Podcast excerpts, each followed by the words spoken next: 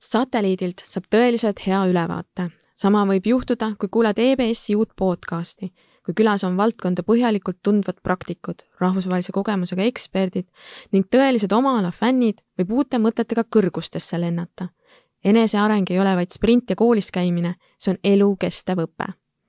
EBS-i podcaste juhib majandusajakirjanik Siiri Liiva. saateid saab kuulata nii Apple podcastides, Spotify's kui ka Youtube'i kanalis miks sa tulevikus pigem rõõmustad, et robot võtab su töö ära? mis kasu võib ettevõttele tehisintellektist olla ja millised põhjapanevad muutused on Covid mitu aastat ettepoole toonud? sellest räägime täna Mart Mäe ja Marko Rillaga. mina olen saatejuht Siiri Liiva. Mart Mäe on FISi Mehhiko üksuse juht, Eesti Infotehnoloogia ja Telekommunikatsiooni Liidu juhatuse liige ning endine Microsoft Eesti juht Mardil on viieteistaastane juhtimiskogemus äri- ja tehnoloogia valdkonnast. ta on nõustanud Eesti ja Ida-Euroopa suurimaid ettevõtteid ning organisatsioone. meie teine külaline Marko Rilla on ettevõtja, juhtimiskonsultant ja EBS külalisõppejõud, kes aitab organisatsioonidel leida võimalusi innovatsiooniks. ettevõtjana on ta käivitanud algatusi haridustehnoloogia ja meedia vallas, praegu veab ta eest algatust nimega Be Well at Work, mis aitab jagu saada läbipõlemisest. tere tulemast satelliidile! Alustuseks ma küsin niisuguse võib-olla natuke kiusliku küsimuse. et äh, millal teie viimati tehisintellekti kasutasite? Mart äh,? enne just, kui ma siia sisse astusin. nii? et mis see oli täpsemalt? jah, just äh,. see oli mitut asja, ma kasutasin, äh, kasutasin kalendrit mm, -hmm. et õigemini kalendris siis vaadata täpsemalt, kuhu ma siis nagu tulema pidin, aga, aga tegelikult see kalendri taga taustal äh, et siis, kui see näiteks broneerimine toimus, siis seal mm -hmm. on tegelikult tehisintellekt taga, noh, justkui kasutasin, eks ju, ja teine oli tegelikult, kui ma seda meili avasin, eks ju, siis mm -hmm. see, et ta mulle meili sisu ja selle kalendri sisu ka ette viskas, see oli noh, ütleme põhimõtteliselt tehisintellekt, et sa otsid seda asja tõenäoliselt, noh, ta üritab mulle anda seda mm -hmm. kõige paremat tulemust. et ütleme siis nii, nii selle meili otsimine kui see ka kalendrikirja otsimine, siis seal tegelikult see ütleme siis tehisintellekt aitas meid nagu leida, et muidu noh, otsid paberipahnast midagi, eks ju no siis oli, ma saan aru, et äh, tänu tehisintellektile sa praegu jõudsid kohale.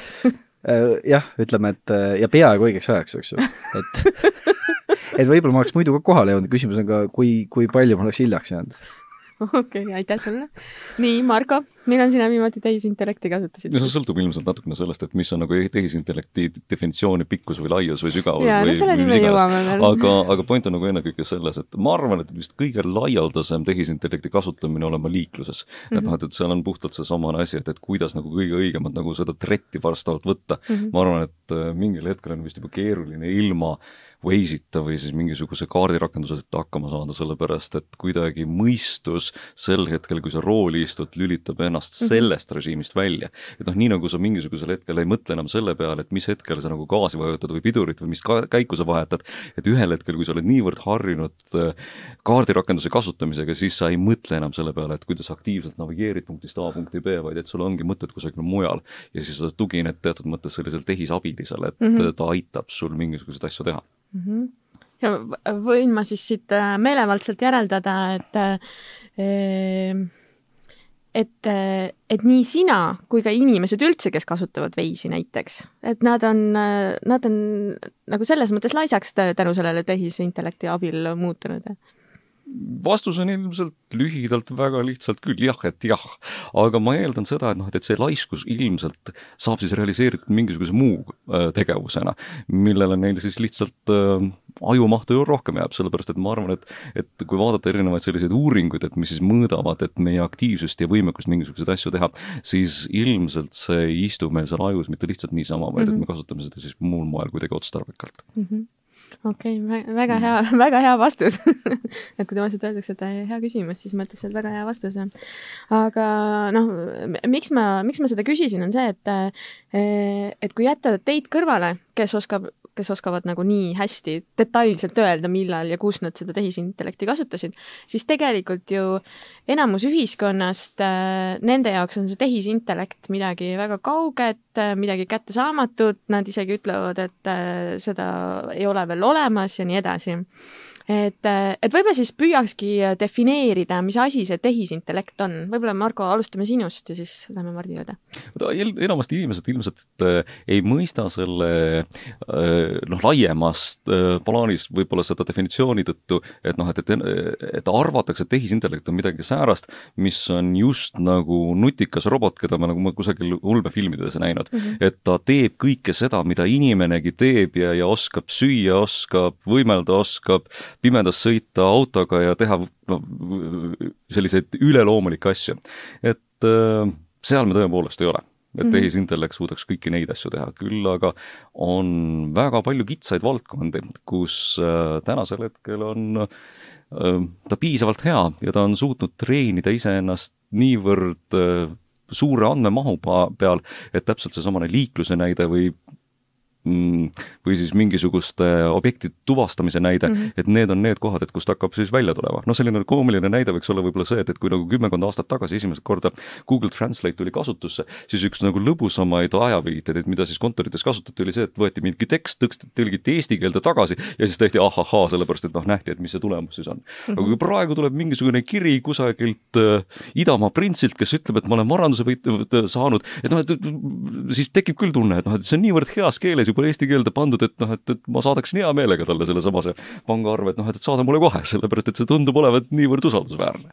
et äh, tõlge on juba üks näide, noh, et, et mis on nende aastate jooksul niivõrd palju paremaks mm -hmm. läinud, et kus noh, sisuliselt kasutatakse neid tehisintellekti algoritme mm -hmm.. okei okay,, väga head näited, aga Mart, kui te tahta defineerida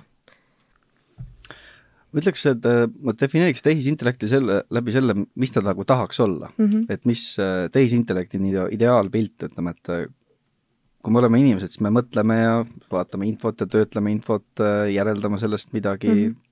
teeme midagi selle põhjal, jätame midagi tegemata, et siis nagu mis asi tehisintellekt on, põhimõtteliselt tahab samamoodi sa-, saada, ütleme nagu siis natuke nagu inimajuks, eks ju mm -hmm., ta toimetaks samamoodi, me võtame andmed sisse endale, me analüüsime midagi, järeldame, õpime midagi ja lähme edasi ja õpime jälle ja õpime, läheme edasi ja jõuame ka vahepeal sinna, et võib-olla see, mis me varem tegime, et see oli ebamõistlik ja lõpetame mm -hmm. selle ära mm -hmm.. noh, ka inimene, eks ju, teeb seda. et siis tehisintellekt tegelikult tahab samamoodi samasuguseks asjaks saada.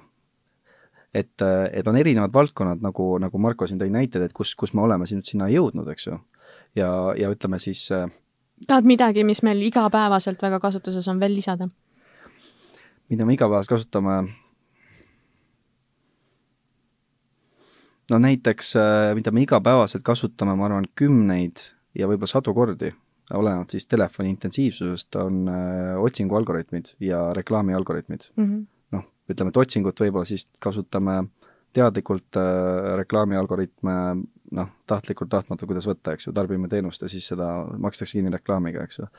et aga, aga need on kindlasti meie kokkupuutepunktid, et kus, kus me näeme mingit asja, mõtleme, oh, ma just mõtlesin selle peale, eks ju nagu keegi seda. oleks sinu eest mõelnud, jah? noh, et, et see, see nagu jah, just täpselt, eks ju, et, et see on nagu see nii-öelda noh, ütleme siis koht, kus sa puutud nagu iga päev kokku, aga miks ma seda defineerisin selle järgi, ma just mõtlesin, et, et see on see, mille läbi näiteks mina tehisintellekti mõistan, et ta tahab nagu olla nagu meie, ta, ta nagu veel ei ole, eks ju mm. -hmm. et äh, ainuke vahe on see, et ütleme, et kui mina äh, ütleme, miljonit äh, rida, ütleme siis sekundiga läbi ei analüüsi, eks ju, siis tehisintellekt võib seda teha, on ju ehk siis, et ta on nagu ideaalne asi, mis suudab teha midagi, mida meie, aga ta on noh, tal ei jää kunagi seda inimlikku poolt nagu justkui ei tule, eks ju, et, et noh, ta ei, ta ei ole nagu inimene, eks ju. ta on nagu töötlus, aju mõttes nagu töötab nagu inimene, aga, aga, aga ta inimene ei ole, ta on masin ikkagi mm. -hmm. no aga inimesed ikkagi ju kardavad selles mõttes, et äh, siin Margo tõi ka välja, et äh,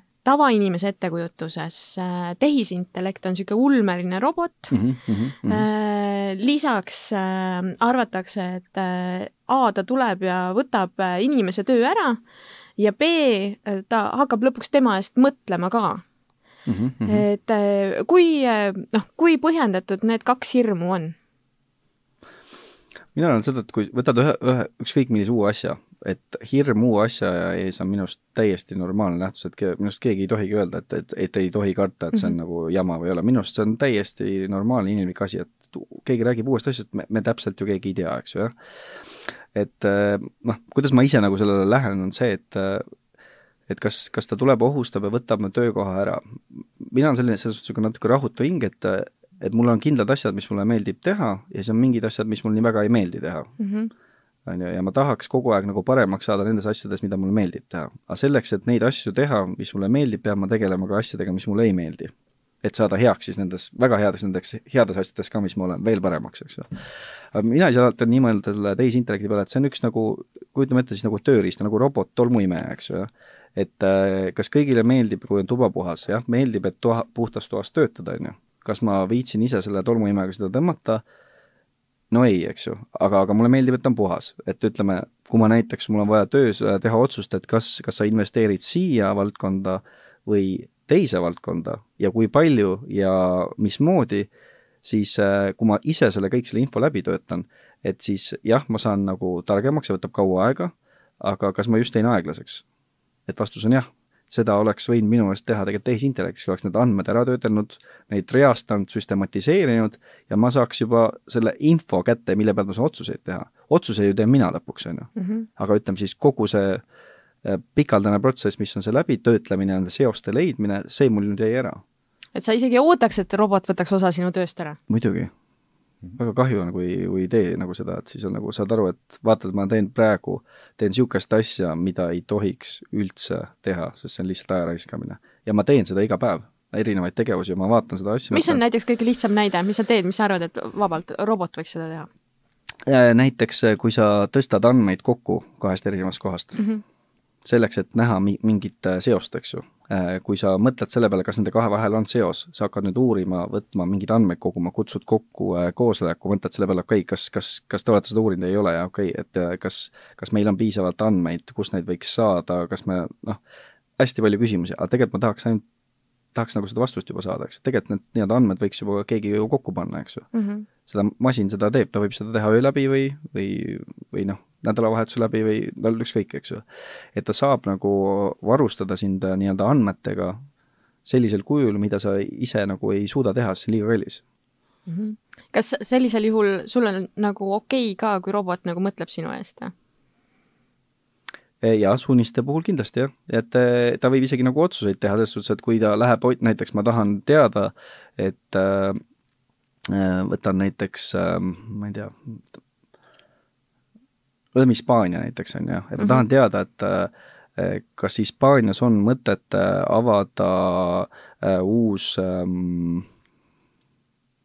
ühistranspordiliin nii, ja kui ma nüüd lasen siis tehisintellektil seda uurima hakata, eks ju, ta avastab seda, et, et ühistransporti ei ole, aga tegelikult sinna võiks uue Uberi teha. aga ta jättis nüüd pooleli selle otsingu sellepärast, et seda ühistranspordiliini tavapärases mõttes pole mõtet teha. aga ta oleks oma research'iga edasi saanud minna ja öelda, et jaa, siia saab uue Uberi teha. et siin on turul vaakum, eks ju, noh, ta nägi andmete puhul, korjas mm -hmm. neid andmeid hoopis et siis see on ju palju oodatavam tulemus ju, selles mm -hmm. suhtes, et no ehk siis, et kui tal on otsustusvabadus, siis tõenäosus, et ta teeb nagu mingit asja võib-olla, mida ma isegi, noh, ma ise ei tulnud võib-olla selle peale alguses, on suurem. ehk siis, et jah, ma ütleks, et nii-öelda teatud piir äh,, nagu ütleme siis piirates ise otsuseid teha, ma arvan, et see on üks väga hea asi -hmm.. okei okay., Marko, kas äh, mingites valdkondades on juba robotid hakanud inimeste töö ära võtma?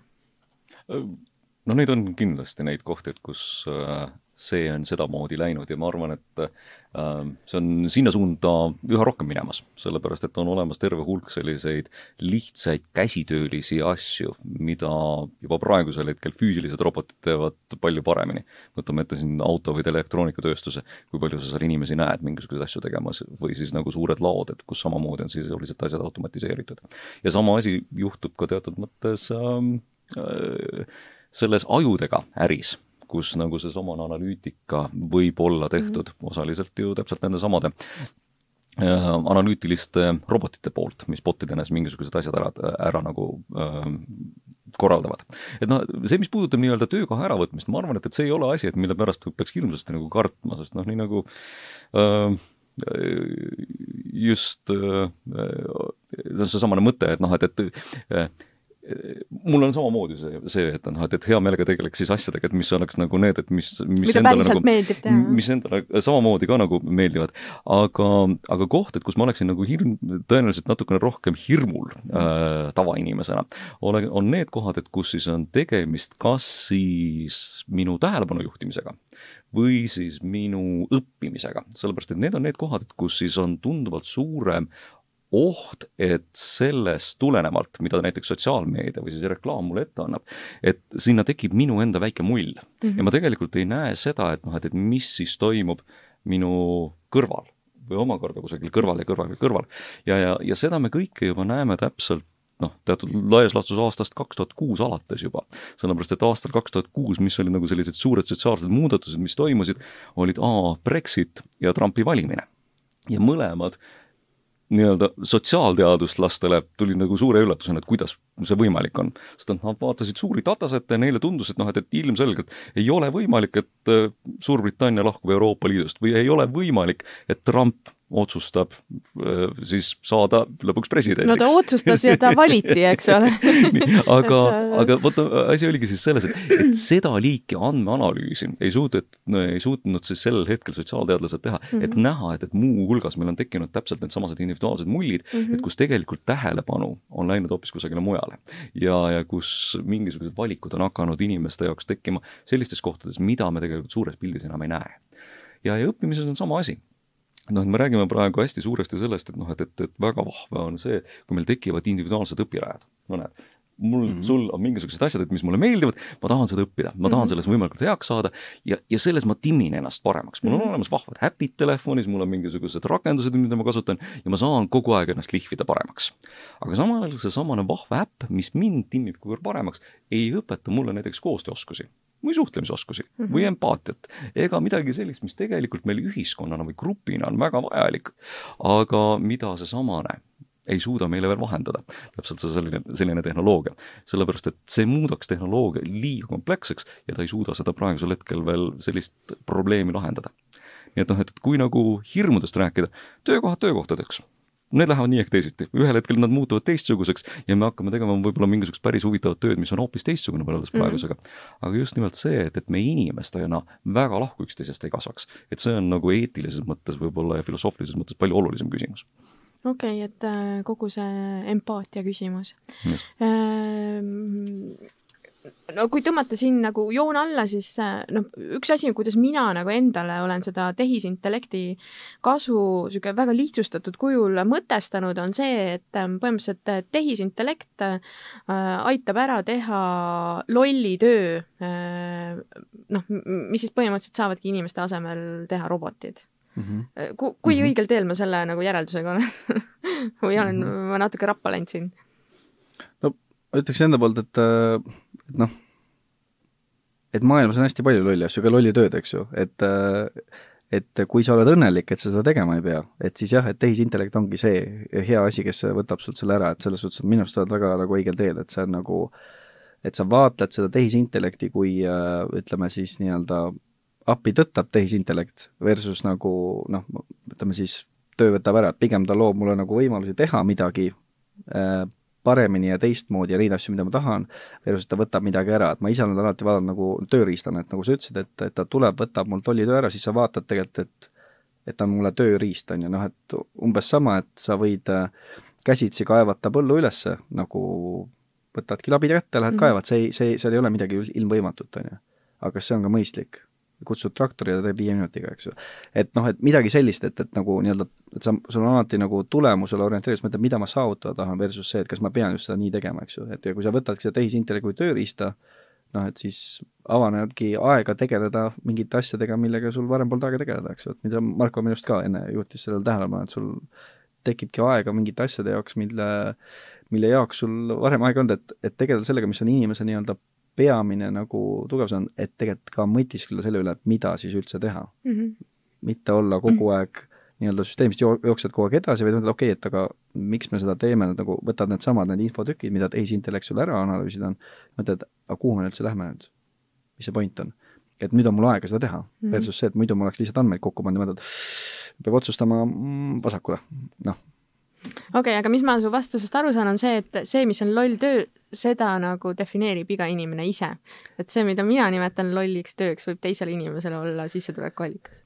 See võib olla ka nii, just seda ja, ja ütleme, et noh, et, et keegi ei kutsu ju tegevust, mida ta ise teeb, lolliks, eks ju. see, et mhm. kas ta kellelegi teisele tundub või mitte, eks ju, noh, see on omaette küsimus, seda, seda ma mõtlesin lihtsalt, on ju, sellepärast ma ütlesin, ma ei tahtnud otseselt seda sõna. ma ei ole ja, selle väljendi ja, autor, seda, seda väljendit kasutatakse ja ma ise, ise kasutan ka, et mul ei olnudki selle nagu väljendi vastu otse, otse midagi, lihtsalt ma mõtlesingi see, et nii-öelda noh, et et ta võtab lihtsalt selle nii-öelda jah, ütleme, et kui, kui me nii-öelda räägid kellelegi, ütled, tead, ma tegin täna päev otsa eriti lolli asja, eks ju, ja ma ise täpselt samamoodi räägin, siis ma ütleks jah, et kui ma suudan kõik need asjad anda tehisintellektile ära, siis ma olen nagu võitja.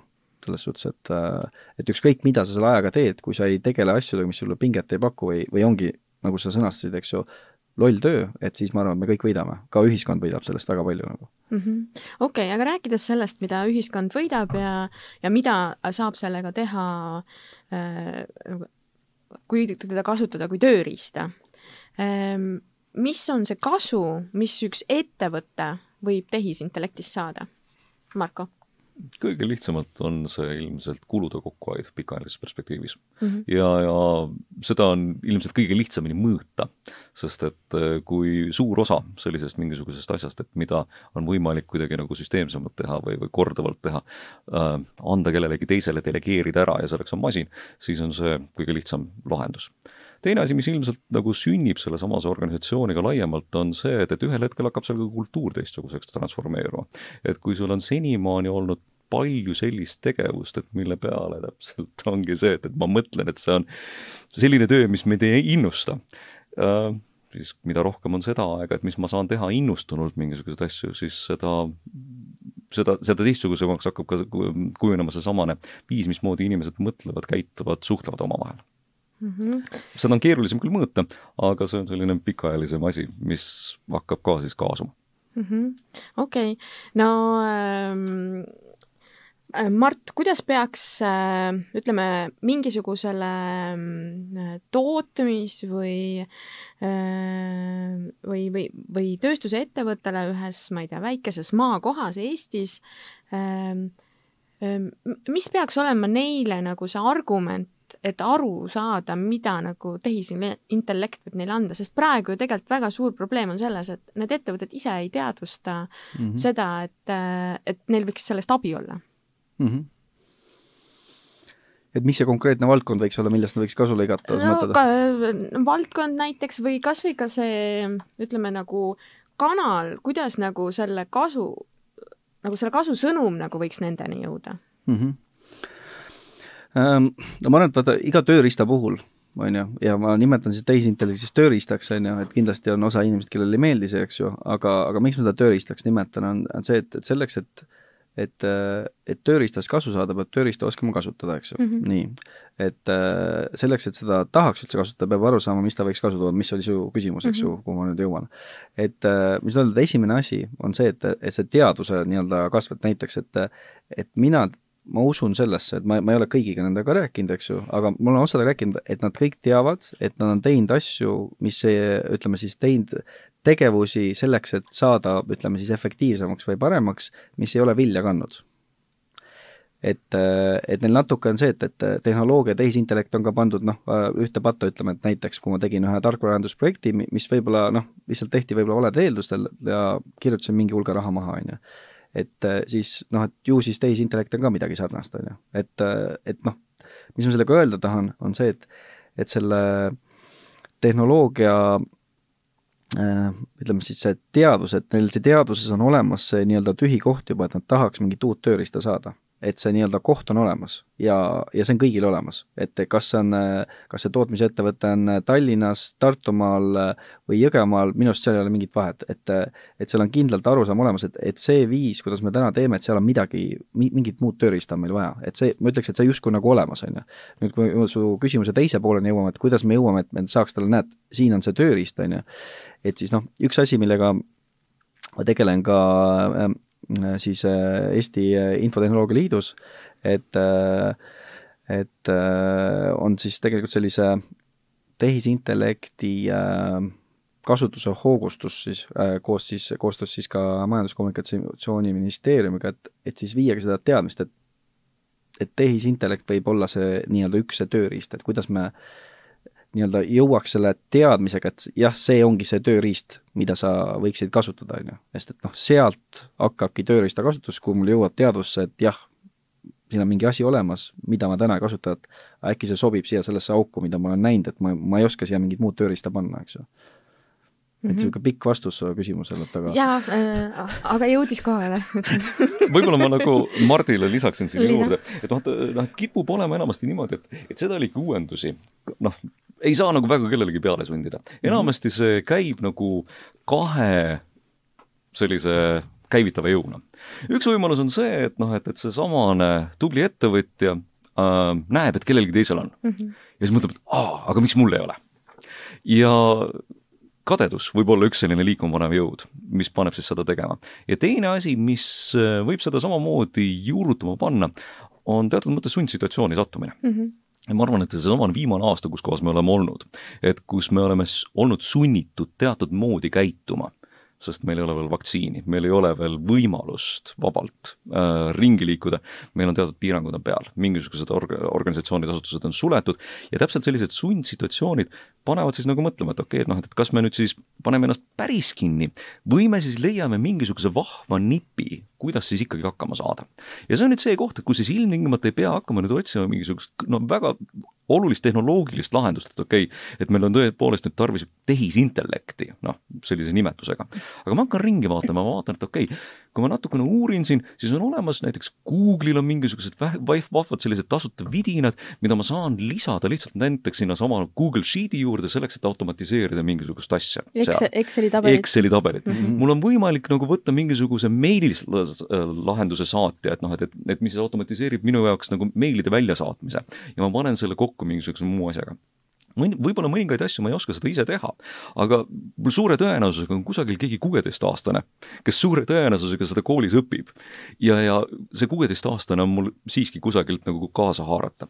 ja, ja esialgu seda liiki nagu probleemide lahendamine, et okei okay,, et, et kuidas ma selle väikese asja siin korda teen, et see aitab kaasa.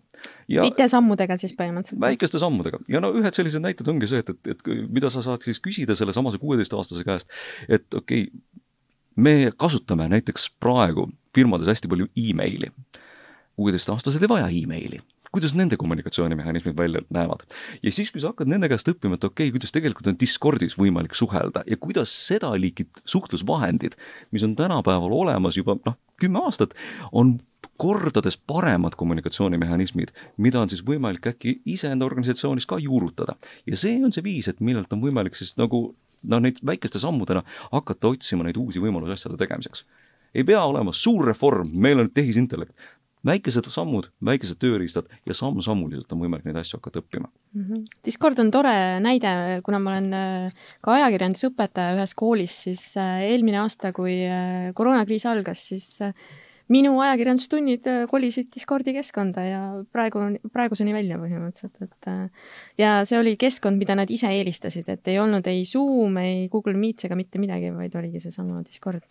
aga okei okay,, see on niisugune vä väike, väikese repliigi korras, aga tulles nüüd selle juurde, et, et kuidas seda tehisintellekti kasutust ho hoogustada, et et noh, ühelt poolt võiks ju mõelda, et, et Eesti on suur IT-riik ja meil on hästi suur idufirmade kogukond, et, et noh, siis peaks ju praktiliselt, ma ei tea, iga teine inimene peaks teadma, mis see tehisintellekt on ja, ja tahtma selle vastu huvi tunda. aga samas, Mart, ma saan aru, et sul on nagu endal tulemus kursus sel teemal ikkagi. jah, jah. et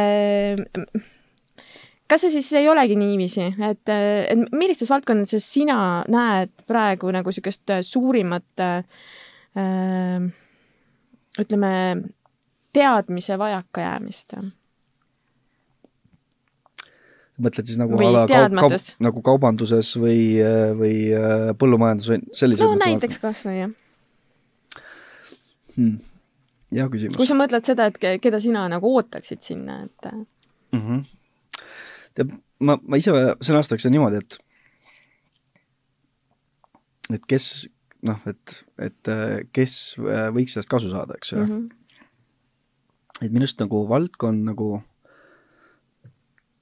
ma valdkonnaga isegi ei suudaks seda piiritleda täna. okei okay,, et jagakski valdkonna. ma selgitan, miks ma ei suuda, et sellepärast mm, -hmm.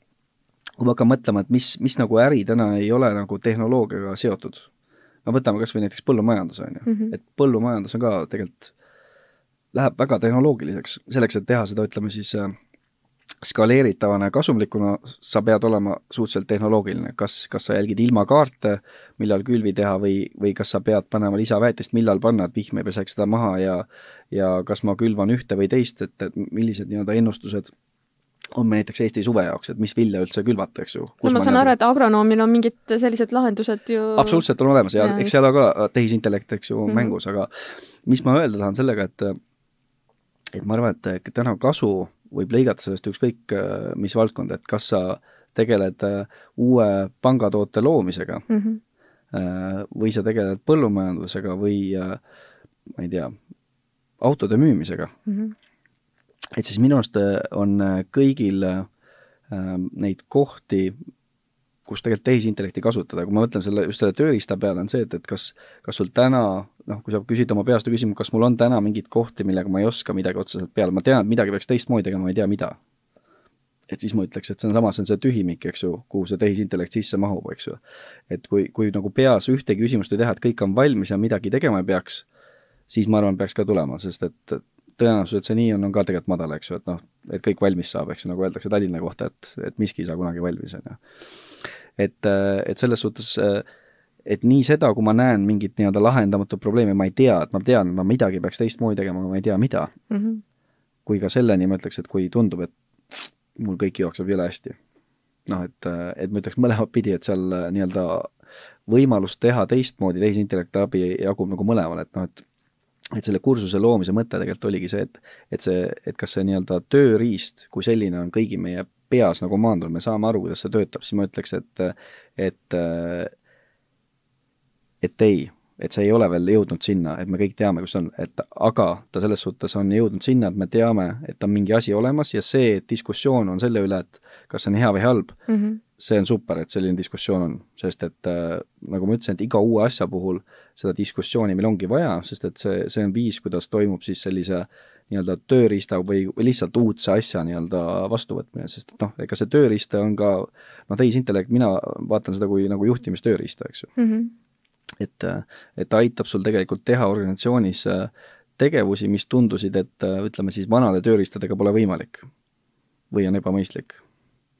ehk siis ja, ja saad ka mõelda selle peale, et et aga mida me tegelikult teha tahame, et kas ma tahan, tahan müüa autot või ma tahan äh, müüa punktist A punkti tee, B teenust, eks ju, et, mis, mis see nagu, mis see nagu mu teenus reaalselt on, eks ju, et ma, tehisintellekt võimaldab siis ümber defineerida, kuidas me üldse oma äri teeme et noh, see on niisugune väga leierdatud näide küll, aga noh, et näiteks see lennukimootorite rent, eks ju, et et, et kas, kas näiteks lennufirmat huvitab äh, lennuki, lennuki hooldus?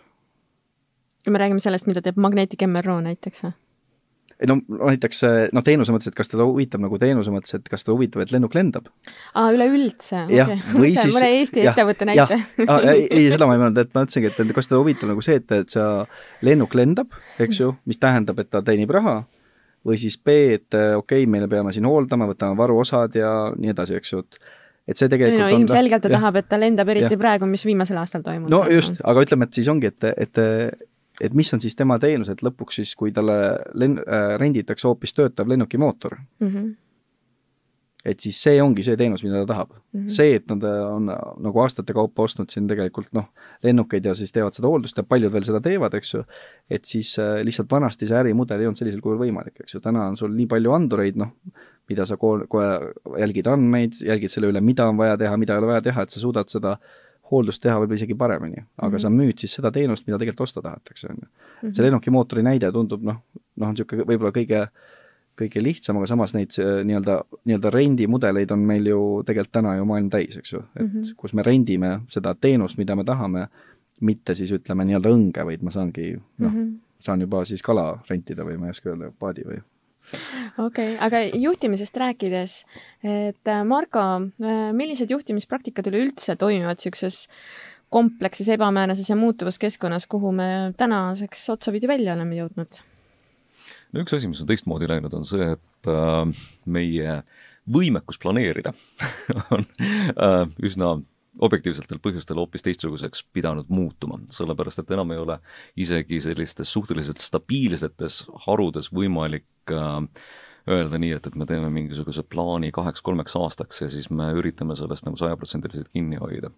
et äh, noh, see no praegu ei suudeta isegi vaktsineerimiskava, ka vaktsineerimise planeerimisega. no see on ilmselt, see on, see on natukene teine teema, et see on logistika ülesanne. jah, no ma tahtsingi öelda, et see on, see on logistika puhtalt logistika ülesanne. et see on, see on siiski nagu optimeeritav ja seal logistika ülesandes on siiski õiged ja valed vastused olemas mm. -hmm. aga kui ma nagu mõtlen seda, et noh, et missugust äri ma tänasel hetkel tegema mm -hmm. hakkan ja ma olen parajasti nüüd siin püsti pannud endale ühe uue hotelli Tallinna kesklinna ja nüüd siis kratsin kukalt, et noh, et, et kas see nüüd siis aasta pärast või siis poole aasta pärast või siis nagu kolme kuu pärast, et millal see kõik nagu teistmoodi siis täpselt saab olema, siis, siis tegelikult nagu mingisuguseid otseseid vastuseid siin sellises olukorras ei ole mm. -hmm. ja, ja mis see noh, praktikas tähendabki siis seda, et on hästi palju tekkinud sellist tegevust, et noh, et mida inglise keeles võiks nagu siis ka kirjeldada fraasina muddling through, et noh, et, et me üritame mingis mudas niimoodi mütata ja vaadata, et kas, kas me siis kuhugile kohale jõuame ja, ja see on nagu selline noh, intuitiivne valik, et mida me siis üritame teha, et, et, et parimaid võimalikke otsuseid siis selles, selles ajahetkes siis mm -hmm. nagu moel või teisel teha. aga asjad, et mis meil on kippunud ilmselt meelest ära minema, on nüüd sellised asjad, et mida võiks õppida sõjandusest. ja see on nüüd see koht, et kus siis noh, nüüd juba umbes kolmkümmend aastat on vaadatud, et tegelikult sõja sisu on muutunud, noh kui siin kõigepealt kusagil üheksakümnendate aastate alguses hakati rääkima kõigepealt esimest korda üldse hübriidsõjast ja infosõjast ja sellest, et kuidas kogu see viis, mismoodi erinevad pooled ei ole enam üks ja kaks poolt, vaid et seal on nagu mitme hulk neid pooli. ja, ja sealt on võimalik nagu neid praktikaid siis hakata nüüd äh, siis nagu üles noppima. ja no mõned asjad, et mida siis sellistes olukordades tehakse, et kõigepealt esimene asi, et mida tehakse, on see, et tekitatakse iseendale selline pidev planeerimismuskel.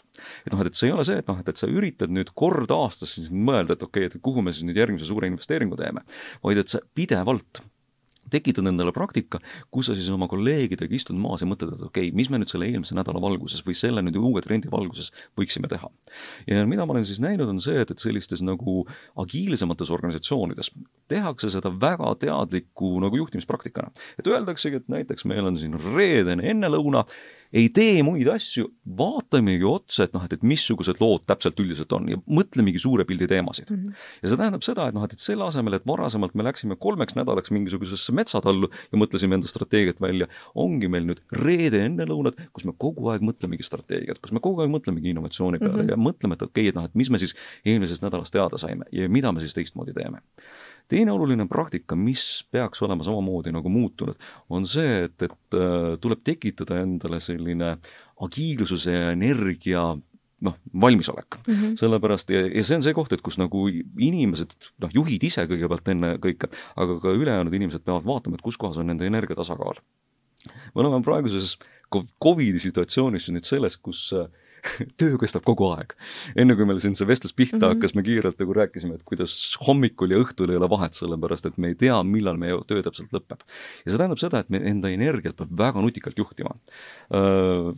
läbipõlemise oht on hästi palju kasvanud ja selleks, et tajuda, et kus kohas sinu temperatuur on sinu töövõime suhtes ja kus kohas sul kõigil ülejäänutel tiimiliikmetel see on, et see on üks nagu selline olulisi, noh, väga oluliseks asjaks muutunud ja kolmas asi, noh, mis on samamoodi väga vajalikuks muutunud, on see, et kuidas leida endale nutikaid abilisi. et selles olukorras, kus olukord, kus pilt on niivõrd segane, sa ei saa olla noh, selline juht, et kes mõtleb, et ma võtan kõik targad inimesed endale tööle et enamikes teemades on kusagil mõni partner või mõni konsultant või mõni selline ekspert kusagil väljaspool, kes suure tõenäosusega teab seda paremini kui sina või mhm. ükskõik kes sinu inimestest. ja see tähendabki siis seda, et noh, et kolmas oluline praktika on luua pidevalt selliseid häid sõprussuhteid. et kelle käest ma võin küsida, kelle käest ma võin abi saada, kui mul selline probleem võiks tekkida. ja nende pidevalt sellise aktiivsena hoidmine on samamoodi üks oluline asi. ja noh, need need on sellised asjad, mis nagu sõjanduses on tänaseks nagu kolmkümmend aastat olnud pidevalt praktikatena. pidev planeerimine, pidev fookusseerimine, energia väga täpne juhtimine ja samal ajal selline liitlassuhete loomine mm. -hmm. ja noh, need on need asjad, et mida võiks õppida sõltumata ärist, kus sa oled praegu, sest neid on väga-väga vaja mm. -hmm. no praegune olukord just täpselt nii, nagu sa kirjeldasid, et sõjandus on muutunud, et ka tänane ettevõtluskeskkond on muutunud ja ma saan aru, et sinul on Äh, sul on endal ka sihuke äh, tööriist, mille abil on võimalik keerulisi teemasid lihtsamaks mõelda Lego klotside abil. kuidas see täpselt käib? tegemist on jah, ühe sellise metoodikaga, millega, mille nimi on Lego Serious Play ja noh, Serious Play on teisisõnu tõsine mäng mm -hmm. ja ka noh, et Lego klotsid, et noh, et see on enamasti selline asi, et millega siis tegelevad lapsed.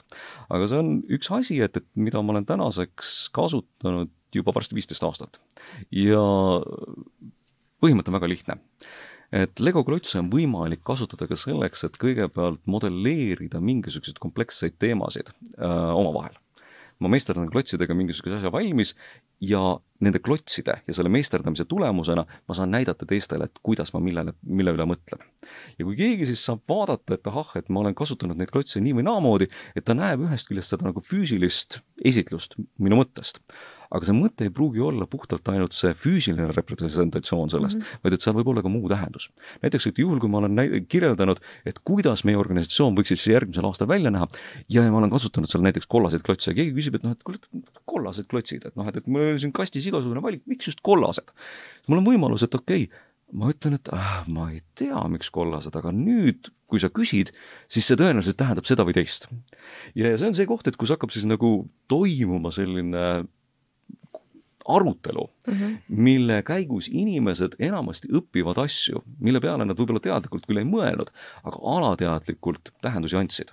ja kui selle käigus nad saavad aru, et noh, et tegelikult me mõtestame enda organisatsiooni tulevikku, kasutades Lego klotse, kasutades mingisuguseid piltlikke või siis metafoorseid väljendeid ja me saame üksteisest paremini aru, siis see on samamoodi üks osa sellest õppimisest, et mille kaudu me tegelikult kohaneme situatsiooniga, üksteisega ja me mõistame paremini, et kuhu kohta liikuda. et noh, ta tegelikult on selline kommunikatsiooni ja õppimise tööriist, et mille käigus me muuhulgas peegeldame mingid asjad mängulises formaadis, aga siiski väga tõsiselt läbi mm. -hmm. Okei okay. äh,, tuleme korraks tagasi selle äh, tehisintellekti juurde äh, Mart, sa ütlesid mõnda aega tagasi, et turutrendid näitasid, et äh, tehisintellekti potentsiaalne ärimaht kahe tuhande kahekümnendaks aastaks on üks koma kaks triljonit dollarit.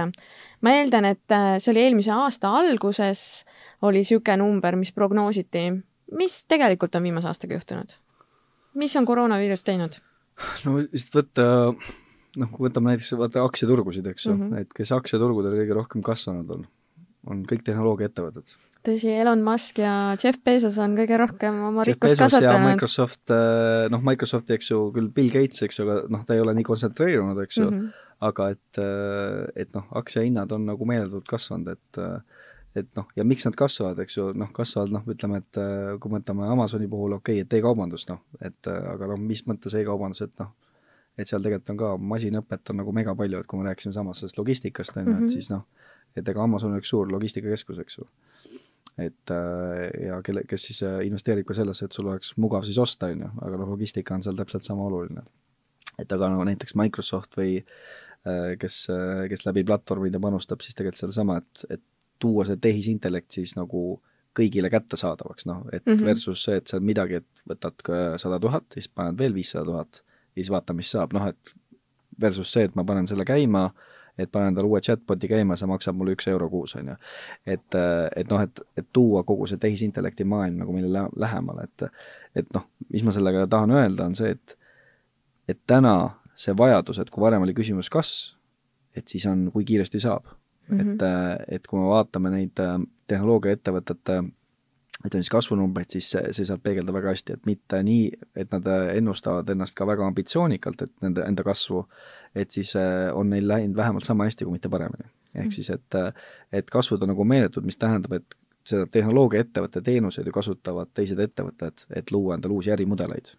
mis tegelikult sellesama tehisintellekti kui selle juhtimistööriista nagu mõte ongi, et, et et ma teen siis neid asju, mida siis minu siis lõpptarbija, kas ta on klient või ettevõte, et kas see on business to business või business to customer, on ju, või mõlemad, et, et ma teen seda, mida on nagu siis vaja teha, versus see, mida ma täna oskan. noh, et minu arust see tehisintellekt ja see kasv nii-öelda ka nende aktsiate kasv peegeldabki seda, et kõik on selle nii-öelda mõttemalli omaks võtnud, et hakkavadki ka tarbima siis teenuseid, mida pakuvad tehnoloogiaettevõtted, et siis teha nii-öelda oma äri ja toodet siis võimalikult äh, sellele lähedale viia, mida klient päriselt tahab, eks ju mm. -hmm. et noh, et versus see mugavus, eks ju, noh, teen seda, mida ma olen harjunud tegema, ju okei okay,, no see kõik kõlab väga loogiliselt, aga äh, äh kui äh, kui rääkida kõige värskematest numbritest, oskad sa öelda, mis need ärimahud on?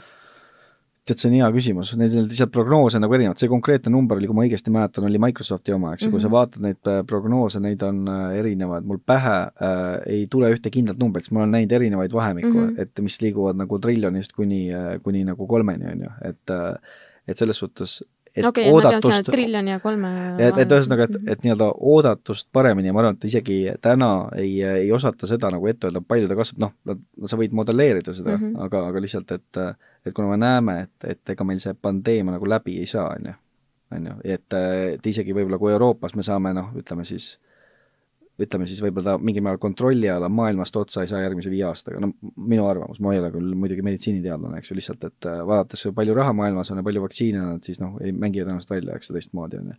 et ega see kuskile ei kao, mis tähendab, et see nii-öelda vajadus sellele nii-öelda uue teenuse järgi ja uute ärimudelite järgi nagu kogu aeg kasvab, eks ju, noh mm -hmm. eriti kui võttes arvesse, et meil on globaalne majandus, et noh, täna kui keegi teeb äh, ettevõtte, siis ta mõtleb selle peale, et okei okay,, et aga kuidas ma saaks müüa Lõuna-Ameerikasse kas ma saan, kas me tahame müüa sinna?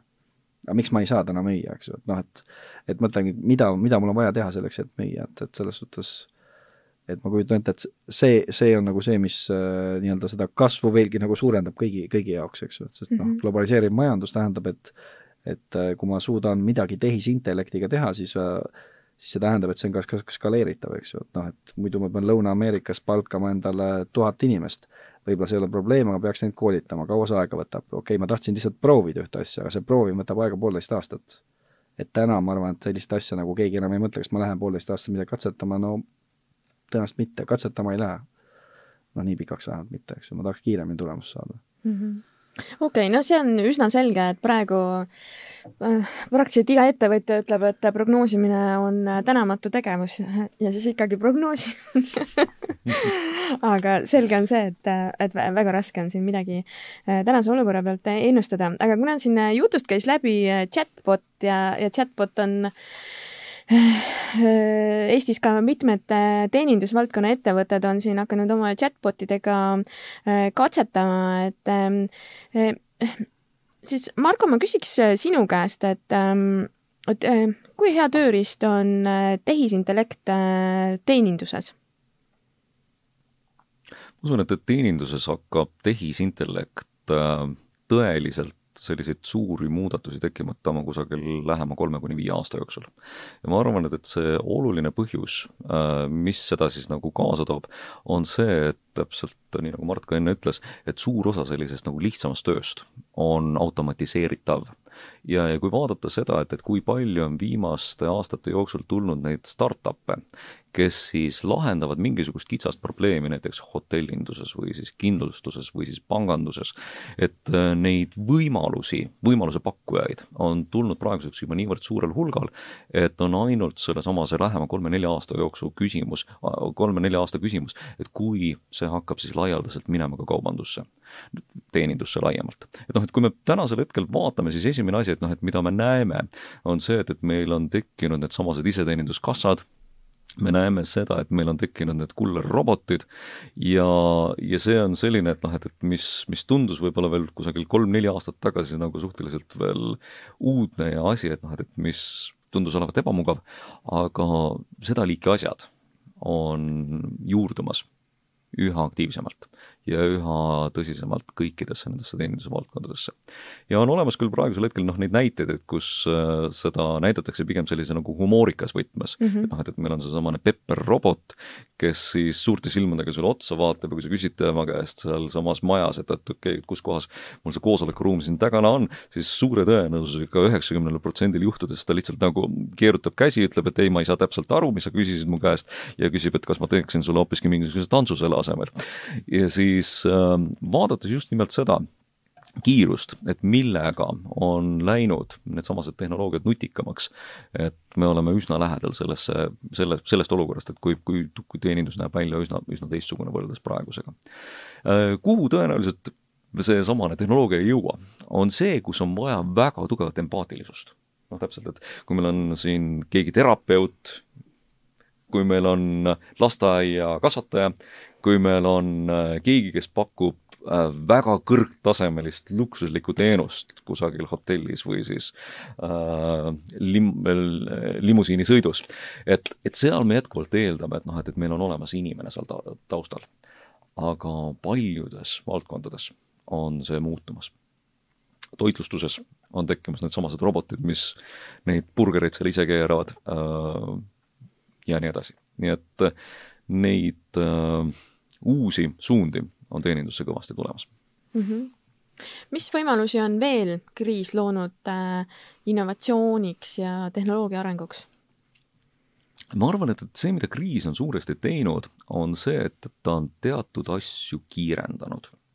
ja asjad, mis muidu oleksid võib-olla ilmunud küll, aga võib-olla heal juhul nagu aasta või kahe või kolme pärast, on nüüd saanud normaalsuseks. Ja ma arvan, et noh, et need kohad, et mida me siis äh, ei oleks kujutanud iialgi ette, et see niivõrd kiirelt siis nagu siin näiteks pealinnas toimub, on täpselt seesamane toidu kohale toimetamine. Või siis äh, kauplusest äh, kohale toimetamine mis on paljude jaoks saanud selliseks täiesti igapäevaseks tegevuseks. selle asemel, et ise poodi minna, ma tellin selle endale koju Mm -hmm. alguses, aasta tagasi, kui see tuli, olid loomulikult kõik needsamased üle ujutatud, aga nüüd on see päris heaks saanud. no nad on äh, harjunud ära selle mahuga või nad, nad suutsid oma mm, võimekust tõsta piisavalt palju. täpselt okei okay., aga mm. Äh, Mart, kas sa oskad, ähm, kui rääkidagi selle, noh, kriis kui võimalus innovatsiooniks, et ähm, oskad sa tuua välja ka mingeid niisuguseid nagu kastist välja lahendusi, mida äh, see kriis on viimase aasta jooksul tehnoloogia vallas toonud. ja noh, samamoodi nagu Marko ütles, äh, ajas ettepoole mm. -hmm, mm -hmm. sa mõtled konkreetset lahendust, mis, mis keegi oleks nagu kasutusele võtnud, noh, et Näit, võtta... noh, näiteks. või noh, kas või mis on võib-olla mingi testfaasis või noh, noh, mis võib hakata siin lähiaastatel väga ruttu nagu jõuda kasutusse ma mõtleks näiteks seda, et äh, kui me rääkisime nendest äh, postiautomaatidest, eks ju mm -hmm., et äh, et kui noh, ma täna mõtlen, et noh, enne kriisi, kui sa küsid, kas sa tahad endale koju nutipostkasti, ma oleks vastanud ei mm. -hmm. täna jaa. sest et kas mul meeldib käia pakiautomaadis millalgi järgi, see on okei okay,, aga pigem ei käiks, on ju. et lihtsalt niisugune väike, hästi väike asi, on ju, ja siis mõtlen nagu et kui ma tahan midagi näiteks tellida, noh, ükskõik mis poest, kas see on nagu ähm, nagu tavalisest riiete e-poest või mobiili e-poest, ma saan selle koju, saadan tagasi kuidas see, ütleme siis kliendi rahulolu kasv ajas kasvab, no puh, see läheb ülesse, noh et, et kui sa ei pea kuskil käima midagi viimas, noh, ma postkontorist üldse ei räägigi, eks ju, kui sa postkontorisse lähed, siis on kõik hästi pahasti, eks ju mm. -hmm. et see, seda võtab nii kaua aega lihtsalt, on ju, sellepärast. et, et aga ütleme, post, pakiautomaat on kõige lihtsam, aga kui sul on midagi maja ees, on ju, niisugune väike asi, on ju, lihtsalt ma arvan, nagu paradigma mõttes, et kui keegi ütleb, et kas sa tahaksid tavalist või nutipostkasti, siis ma, ma kujutan ette, et see paradigma muutus tekib päris kiiresti, sest et sa tellid nii palju e-poest lihtsalt, on ju. noh, isegi Eesti e e-poendus nagu kasvas nii palju, et keegi ei arvanud, et see nagu niimoodi käib, eks ju mm. -hmm. et noh, nägimegi, et läks asi ju kõik äh, justkui nagu katki, eks ju. Aga siis võib öelda, et äh, see, millest äh, Cleveroni äh, Äh, juht Arno Kütt rääkis võib-olla siin kolm aastat tagasi, et nüüd siis on nagu tarbija jõudnud samale järeldusele, mida tema noh, siis müüs ja hakkas ka Viljandis põhimõtteliselt testima, ma saan aru, et terve Viljandi on neid nutipostkasti täis. ja ma olen ka näinud nagu Tallinnas juba nad paigaldatakse, noh, nad on vaata erinevad mm, -hmm. seal on mingi uus ettevõte ka tekkinud, eks ju. Jah, Parcelsi just, kes rendib, eks ju, neid on ju, et just rendib, mitte ei müü, on ju. et see on ka minu arust väga, väga oluline vahe, eks ju, et mhm ärimudeli muutus, müün mingit füüsilist asja, eks ju, mida me tavaliselt ostab poest, eks ju, eh, noh, nii-öelda postkasti, eks ju. et noh, teenus ju täiesti erinev. et, et minu arust see on nagu noh, väga hea selline modernne ärimudel, ma ütleks, et, et et mida see nagu kriis on toonud, vaata et et niisugune nali ka ringles ringi, et et vaata, kui ma ise nagu konsultatsiooniga ka tegelikult väga palju tegelenud, et, et noh, et kui me tegime nii-öelda töötuba äh, teemal, et noh, digitaalne transformatsioon, mis on justkui no ütleme, selline leierdatud sõna, on ju, aga noh, põhimõtteliselt me rääkisime, kuidas tehnoloogiat kasutada äri hüvanguks, on ju. et kui varem oli noh, pigem küsimus, et ma ei tea, kas ma vist see aasta ei saa, meil see aasta pole investeeringuid ja järgmine aasta noh, võib-olla natuke saab midagi teha ja mingid noh, ütleme, et siis hästi palju probleeme, miks midagi teha ei saa, siis, siis nüüd on pigem küsimus, miks me kiiremini ei saa. Mm.. ehk siis, et, et see nii-öelda mind shift või ütleme siis oma nii-öelda paradigma muutus peas on nagu, on nagu megasuur mitte ainult Eestis, vaid ka mujal ka, et see, et kui me vaatame tehnoloogia nii-öelda tööstus buumib mitte ainult tehnoloogiaettevõtetega, tegelikult nagu tarkvaraarenduses sama asi, eks ju, sa vaatad, kus tegelikult mahud kasvavad, et on vaja tööriistu selleks, et teha neid uusi ärimudeleid teoks, eks ju. nii seda nii tehisintellekti valgus või kui mingi tarkvara, mis, mis sul loob, et, et aitab seda nii-öelda teostada, et see noh, et jah, et nagu öeldakse palju asju on ettepoole tulnud siis, ma saan aru? oota, mis see nali oli, ühesõnaga oli see, et, et et kui küsiti nagu Pollis, et mis oli teie ettevõtte põhjus, et ta digitaalselt transformeerisite, transformeeris, hakkasite transformeeruma kiiremalt, siis see oli kolm vasturvarianti, esimene oli siis äh, nii-öelda juhtkonna otsus äh,, siis äh, tegevjuht ja kolmas oli Covid, et siis, kui võitja oli Covid. Et, et noh, et mis see nii-öelda tegelik see kiirendaja oli, on ju, et, et noh, noh, nali või mitte, aga noh, tegelikult kui vaatad maailma, siis äh, et see nali on tegelikult nagu tõsi, noh, et nii ta on mm, -hmm. eks ju, et et eks ikka väline keskkond sunnib nagu muutusi tegema, on ju kuulge, see, see teema ja see arutelu on nii põnev olnud aga ma pean siin praegu joone alla tõmbama, sest meil aeg surub tagant aga nagu te juba ette saite hoiatatud, siis meie podcastil on ka selline traditsiooniline lõpuosa, eh, kus siis kõik külalised saavad vastata iga kord samadele küsimustele. ja, ja loomulikult teie ka ei pääse nendest küsimustest. Ehm, e-, esimene neist eh, kolmest küsimusest on siis see, et mis on see juhtimisraamat, mida soovitaksid lugeda kõikidel, keda paeluvad siis juhtimisküsimused või juhtimisalased väljakutsed? Marko, alustame sinust ma arvan, et, et minu seesamane valik on selline, mis on võib-olla hetkeperioodist äh, kannustatud kuidagi. aga Maailma Majandusfoorumi juhi omaniku Klaus Schwabi poolt on väga vahva raamat välja toonud, tulnud, kus siis Mallory Tieler, vabandust, ma nüüd ei mäleta tema selle kaasautori täpselt nime, üks prantslane igal juhul oli. ja, ja, ja selle nimeks ongi pealkiri on. täpselt, ja, ja pealkiri ongi Post-Covid ja, ja mida ta siis seal on üritanud teha, noh, see raamat tuli neil tegelikult välja juba üsna üllatuslikult siin, kui eelmise aasta juunikuuses. ja nad ühest küljest modelleerisid seda, et mis siis hakkab nagu majandusega juhtuma nüüd järgmise kahe-kolme aasta jooksul, arvestades sellega, et noh, et kui me võtame G kaheksa riigid siin ette, siis et kuidas nende teenusmajanduses tegelikult kaheksakümmend protsenti, üldisest majandusest mööda, kaheksakümmend protsenti on teenusmajandust, omakorda sellest pool on kontaktne teenusmajandus ja kui see läheb nüüd kaheks-kolmeks aastaks kinni kuni need saavad uuesti avaneda. et mida see täpselt siis kaasa toob. et sellised modelleerimised on seal päris nagu huvitavalt ja nutikalt lahti joonistatud, nii et, et see on asi igal juhul, mida ma praegusel ajahetkel soovitaksin kõigil päris tõsiselt lugeda, sellepärast et see paneb nagu päris palju mõtteainet selle peale, et mida mina juhina võiksin selles olukorras täpselt ära teha. et mm -hmm. sul endal on see läbi loetud, nagu ma aru saan? mul endal on see läbi loetud ja mhm. kindlasti mm -hmm. nagu see, soovitan selle baasil. okei okay,, väga hea. nii, Mart? Äh, mul selline raamat nagu äh,, nagu Carol Dweck ja Mindset ja millest ta nagu räägib, on siis, äh, et minu arust just tänases sellises tehnoloogilises maailmas, et nii tehisintellekti kui, kui ka ütleme siis tehnoloogia kasutusel tervikuna, et et nagu mõelda selle peale kogu aeg, et et et kui ma arvan, et midagi ei ole võimalik teha, et siis kas ma olen ehitanud endale mingi nähtamatu müüri ümber, eks ju.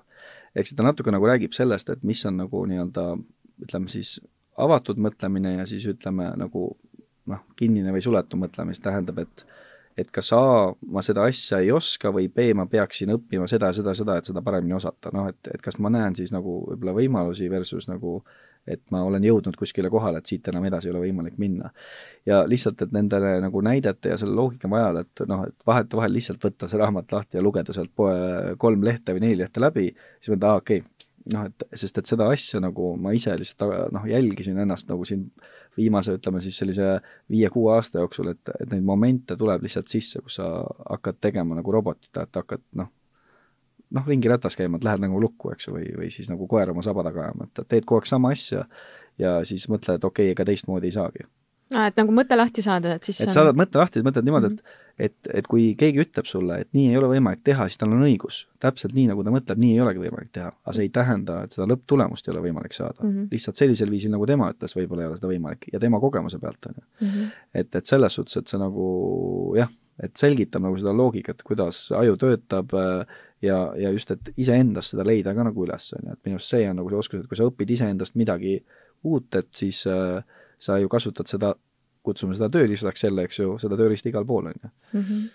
no väga huvitavad raamatusoovitused, et ma kohe panin endale ka äh, nimed kirja äh,. teine sihuke lõpuosa küsimus on see, et ähm, mis on see üks soovitus, mis sa alati juhtimise kohta annaksid? Mart, alustame seekord sinust.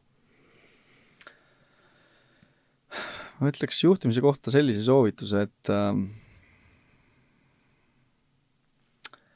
et sa nagu mõtled alati selle peale, et äh, kas äh, kas ma teisi äh, kuulan ka piisavalt ja, ja mis ma nagu juhtimissoovitusena mõtlen seda, vaata, et et kui sa oled individuaalne panustaja, see tähendab, et sa teed ainult üksi mingit asja, on ju, mida siis täna on juba vähe, tulevikus veel vähem, eks ju. et noh, pigem on, ütleme siis koostöö on see, kuidas siis tulemusi saavutatakse, et et, et kas ma nagu kuulan inimesi nagu piisavalt ja kui ma kuulan, kas ma päriselt ka kuulan.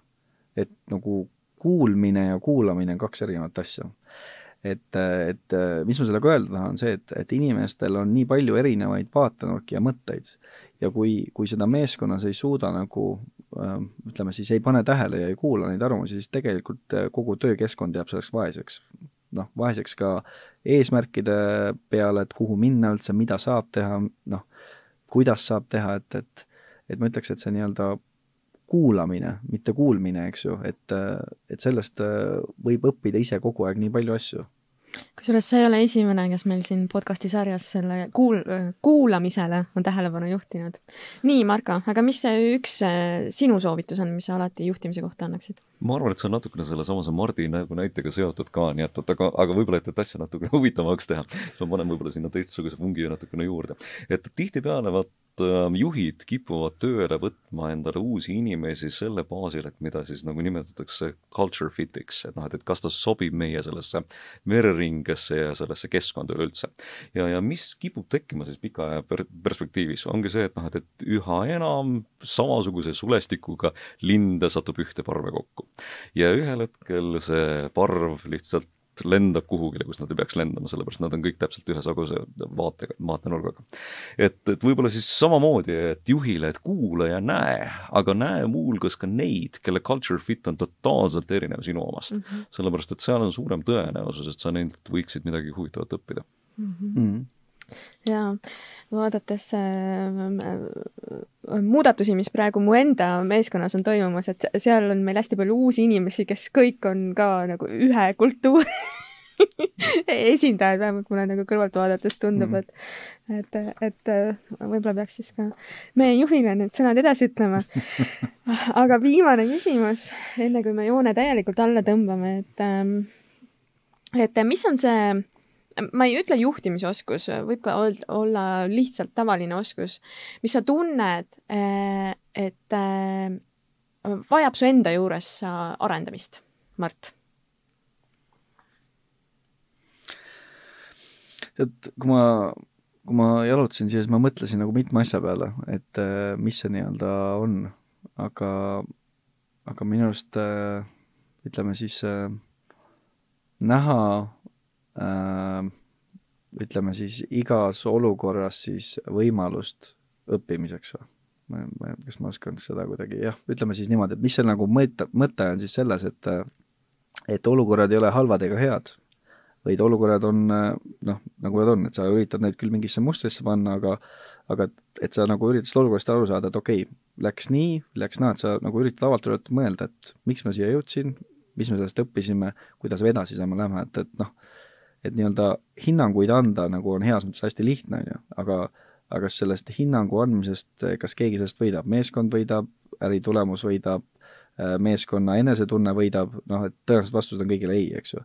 ehk siis, et äh, nii-öelda juhtimise mõttes alati mõelda selle olukorra peale, et see olukord tekkis millegi pärast, kas sellepärast, mida me tegime ja jätsime tegemata mm -hmm. või siis kombinatsioon sellest, et alati selle peale noh, iseendale tuleb meelde, et nagu vaatad seda olukorda nii-öelda puhtalt, mis siin on tegelikult, mis, mis juhtus, et äh, emotsioonid on tore asi, aga et äh, noh, et olukorrast nii-öelda saada maksimumi sellest õppida, et seda tuleb tegelikult vaadata nagu ütleme siis puhtalt nii-öelda ütleme siis, võib-olla faktipõhine ei ole päris õige, sest emotsioonivabalt, aga emotsioonivabalt, et lihtsalt, et, et vaadata seda asja nii, nagu ta päriselt nagu oli, et üritaks aru sellest saada versus, et kuidagi ütleks, et hea või halb, eks ju, et noh, et ilmselgelt, et kui ta ei läinud nii, nagu me tahtsime, et siis ootuspärane ei ole, eks ju, et ega kellelegi ei meeldi, aga, aga mida me sellest õppisime tegelikult, eks ju, et hoida seda nii-öelda huvita, huvit-, huvitunud äh, meelt maailmas nagu, et äh, nagu väike laps, kes kukub maha, et ta korra nutab, aga siis läheb uuesti tagasi.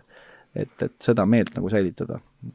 okei okay,, väga hea. nii, Marko, mis, äh, mis oskus on see, mis sa tunned, et sa pead enda juures arendama? See, mida Mart ütles kõlas jällegi väga nagu lahedalt, et mida, mida ise oleks ka nagu hea nagu endale näpata neid samu oskusi. et äh, kui ma nagu enda rakursi võib-olla siia juurde panen, siis ma arvan, et minu puhul on vist üks olulisemaid oskusi, on seda liigi peegeldamise oskus, et kuidas mingisuguseid asju iseenda jaoks lahti mõtestada ja siis lihtsustada. sellepärast, et äh, mul kipub olema selline loomuomane asi, mis mul kipub tulema, on see, et, et ma mingisugused asjad mõtlen nagu väga keeruliseks. ja, ja, ja mul on tarvis seda teadlikku pingutust mingisugused keerulised asjad lihtsamaks mõelda. ja see on ilmselt nendest asjad, noh, üks nendest asjadest nii, nii ähm, organisatsioonides, nii äh, iseenda tegevuses, mida ilmselt on võimalik lõputult lihvida. sellepärast, et iga olukord on erinev ja igas olukorras on võimalik erinevaid aspekte näidata, näha ja leida ja siis kuidas sa üldistad sellest just nimelt selle nagu lihtsa konkreetse asja, et mm. mis on see tegevuspraktika või, või see mm. konkreetne asi, et noh, et, et mida me siit nüüd siis õppida saame või millega siis edasi minna või et mis on see üks iva, millest me kinni haarame või et noh, et mis võiks olla siis noh, nende erinevate suurte valikute keskel see nagu kõige õigem ambitsioon või kõige sobivam, et noh, et kuhu poole minna hakkab. et seda liiki nagu lihtsustamise oskust ma tunnen, et noh, et ma ise peaksin enda juures kõvasti arendama ja, ja see on tõenäoliselt ka universaalne asi, mis paljude, paljusid ise, iseloomustab mm. -hmm okei okay., no aitäh jagamast, mis, mis enda juures äh, arendamist äh, vajab see ei ole alati lihtne ülesanne. Äh, igatahes ma soovin jõudu teile sellel teel ja ma olen väga tänulik, et tulite meie saate külaliseks. aitäh, Marko, aitäh, Mart ja aitäh kuulajatele. järgmise korrani. aitäh aitäh! see oli EBS-i podcast Satelliit. kuula meie teisi saateid nii Apple podcastidest, Spotify'st kui ka Youtube'i kanalist